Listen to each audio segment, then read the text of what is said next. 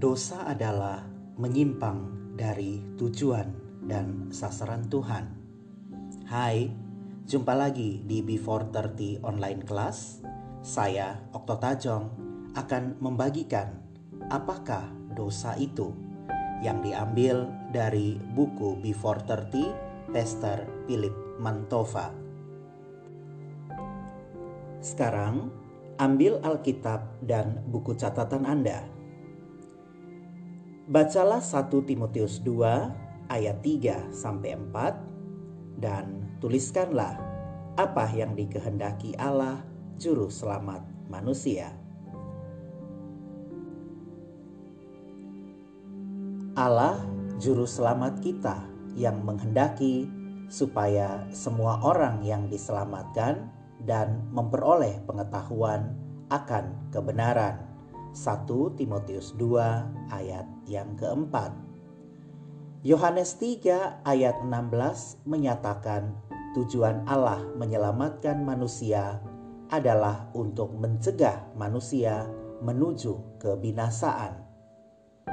Sebab upah dosa ialah maut, tetapi karunia Allah ialah hidup yang kekal dalam Kristus Yesus Tuhan kita Roma 6 ayat 23. Tuhan Yesus membenci dosa, namun ia sangat mengasihi orang berdosa. Kedatangan Yesus di dunia bertujuan untuk menyelamatkan manusia dari dosa mereka agar hidupnya kembali kepada tujuan dan sasaran Tuhan. Ia akan melahirkan anak laki-laki dan engkau akan menamakan dia Yesus, karena dialah yang akan menyelamatkan umatnya dari dosa mereka. Matius 1 ayat 21 Jika dulu Musa membawa umat Israel keluar dari perbudakan Mesir, ribuan tahun kemudian Yesus membebaskan umat manusia keluar dari perbudakan dosa. Sesungguhnya, Yesus berusaha mengeluarkan Mesir itu selama-lamanya dari hati umatnya. Tak mudah, karena umatnya tidak percaya kepadanya. Mereka membayangkan Mesias yang mereka nantikan selama ini adalah sosok pahlawan yang akan membebaskan mereka dari cengkraman bangsa Romawi. Mereka kira juru selamat yang mereka tunggu adalah sosok suci yang takkan pernah mau duduk di kalangan orang berdosa atau makan semeja dengan mereka. Pembebas yang mereka harapkan adalah sosok yang tidak perlu makan, minum, tidur, memiliki orang tua dan keluarga seperti layaknya manusia biasa. Sebaliknya, Yesus yang mereka kenal adalah seorang yang akrab dengan orang berdosa. Ia tidak menyarungi pedang, melainkan ia memberitakan kabar baik dari Bapaknya di surga tentang iman dan kasih, serta menawarkan pengampunan kepada orang berdosa. Hal itulah yang dianggap menghujat Tuhan oleh para ahli agama saat itu. Pengharapan yang palsu dan pemikiran yang salah itulah yang membuat Saulus, seorang Yahudi, sulit untuk menerimanya sebagai Mesias yang dijanjikan oleh Tuhan kepada bangsa Israel. Sosok kontroversial Yesus yang berani mengecam orang Farisi, sesuatu yang tak pernah dilakukan oleh siapa pun di zaman itu, membuatnya tampil apa adanya tanpa polesan dan tanpa kepura-puraan. Gaya bicaranya yang belak-belakan membuat setiap orang yang merasa dirinya paling benar gerah dan telinga mereka memerah. Semua alasan itu juga yang membuat seorang seperti Saulus tidak tertarik untuk mengikut Yesus Kristus. Apa yang sesungguhnya sedang terjadi dalam kehidupan Saulus? Menurut pengetahuan agama yang dianutnya saat itu, ia adalah seorang yang suci menurut hukum Taurat. Namun di mata Yesus, hidup Saulus sedang menuju sebuah tujuan dan sasaran yang menyimpang jauh dari kebenaran. Saulus terperangkap oleh pengetahuannya, berusaha menelaah keilahian Yesus menurut pemikiran-pemikirannya sendiri. Tanpa disadari Saulus melampiaskan pemberontakan kepada Yesus dengan tindakan mengejar dan menganiaya pengikut-pengikut Yesus. Itu sebabnya Yesus menjumpainya secara pribadi, langsung menyentuh ke pusat kehidupan Saulus untuk menyadarkannya. Tak disangka, justru perjumpaan inilah yang membuatnya tak berdaya. Segala sesuatunya telah dirancang oleh Tuhan tanpa ia sadari.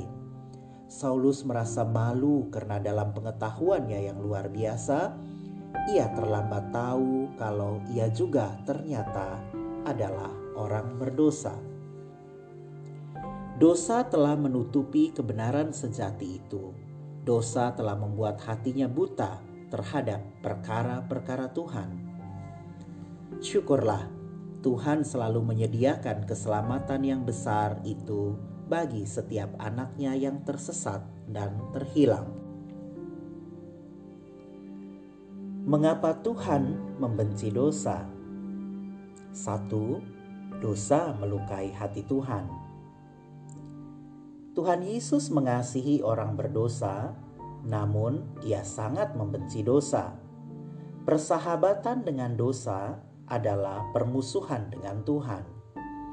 Marilah kita melihat bagaimana dosa manusia sangat melukai hatinya Tuhan.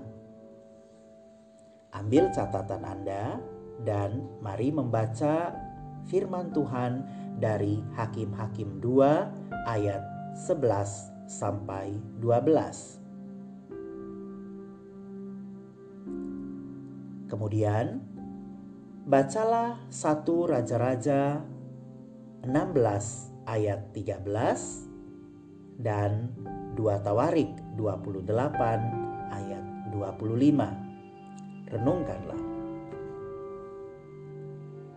Raja Salomo dalam salah satu nasihatnya mengatakan, Enam perkara ini yang dibenci Tuhan, bahkan tujuh perkara yang menjadi kekejian bagi hatinya: mata sombong, lidah dusta, tangan yang menumpahkan darah orang yang tidak bersalah, hati yang membuat rencana-rencana yang jahat, kaki yang segera lari menuju kejahatan, seorang saksi dusta yang menyembur-nyemburkan kebohongan, dan yang menimbulkan pertengkaran saudara. Amsal 6 ayat 16 sampai 19.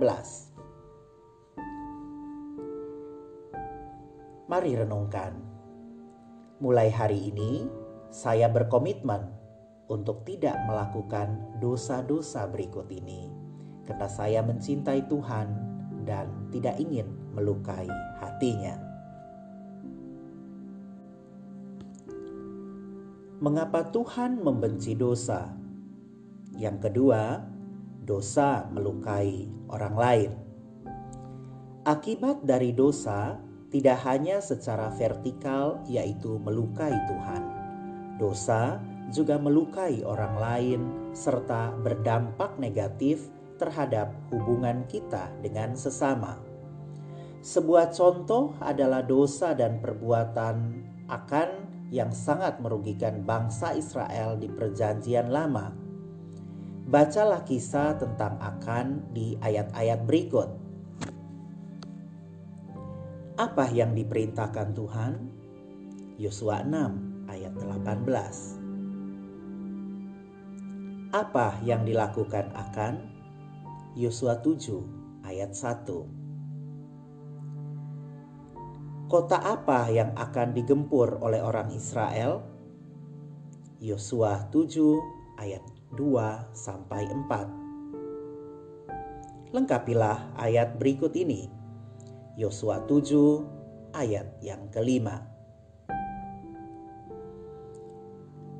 Dosa itu merugikan Tuhan dan orang-orang yang kita cintai. dosa yang paling sering kita lakukan mungkin adalah perkataan yang melukai hati orang lain.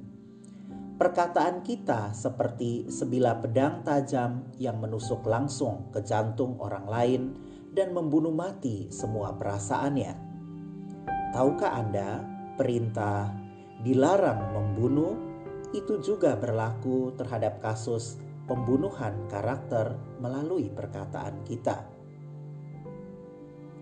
Siapa saja yang telah Anda lukai akibat dosa dan perbuatan Anda, pergi dan mintalah maaf dengan menanggung konsekuensi sepantasnya atas segala hal yang pernah Anda lakukan.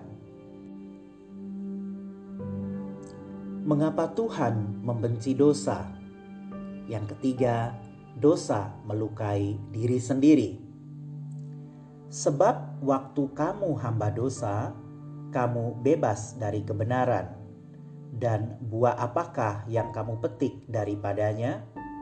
Semuanya itu menyebabkan kamu merasa malu sekarang karena kesudahan semuanya itu ialah kematian. Roma 6 ayat 20 hingga 21. Orang fasik tertangkap dalam kejahatannya dan terjerat dalam tali dosanya sendiri. Amsal 5 ayat 22. Kebenaran menjaga orang yang saleh jalannya, tetapi kefasikan mencelakakan orang berdosa. Amsal 13 ayat yang ke-6. Kisah Ananias dan Safira menggambarkan akibat yang serius dari dosa dusta dalam kehidupan pasangan suami istri ini. Kisah para Rasul 5 ayat 1 sampai 10. Sekarang tuliskanlah dengan singkat apa yang dilakukan Ananias dan Safira di hadapan Rasul Petrus serta akibatnya. Dosa Ananias dan Safira adalah ayat 3 dan 8. Sekarang tuliskan apa yang terjadi pada mereka. Ayat 5 dan 10. Ketika seseorang melukai Tuhan dan sesamanya, tanpa ia sadari, ia juga melukai dirinya sendiri. Mengapa demikian? Putusnya hubungan kita dengan Tuhan akibat dosa menyebabkan rusaknya hubungan kita dengan sesama. Akhirnya, hati kita pun terluka karena penolakan dan kehancuran yang terjadi di sekeliling kita. Jika hal itu dibiarkan, lama-kelamaan luka itu semakin membesar dan kita semakin tertekan. Ketika jiwa kita tertekan, keputusasaan keputusan hidup kita pun cenderung melukai diri sendiri. Tanpa sadar, kita terperangkap dalam lingkaran iblis. Kita tidak tahu cara melepaskan diri lagi dari jerat itu, karena kita terlanjur menyukainya, dan gaya hidup kita mulai beradaptasi dengan dosa tersebut. Sekarang, seolah-olah sudah mustahil bagi kita untuk bebas dari dosa itu selamanya, sehingga dosa itu matang dan melahirkan maut. Sungguh, dibutuhkan kuasa yang melebihi kekuatan manusia biasa untuk dapat memenangkan peperangan melawan dosa. Diperlukan kejujuran serta kerendahan hati dari pihak kita untuk mengakui dosa-dosa kita kepada Tuhan. Ingat, dosa memisahkan kita dari Tuhan. Dosa menghalangi berkat-berkat Allah atas hidup kita. Dosa itu melukai hati Tuhan, orang lain, dan diri kita sendiri. Apakah Anda mengetahui bahwa dosa melukai diri Anda sendiri? Renungkanlah. Ya, saya tahu. Saya tidak tahu. Saya tidak merasakannya atau saya tidak peduli.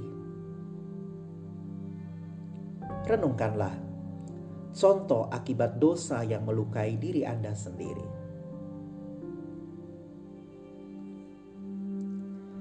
Karena semua orang telah berbuat dosa dan telah kehilangan kemuliaan Allah.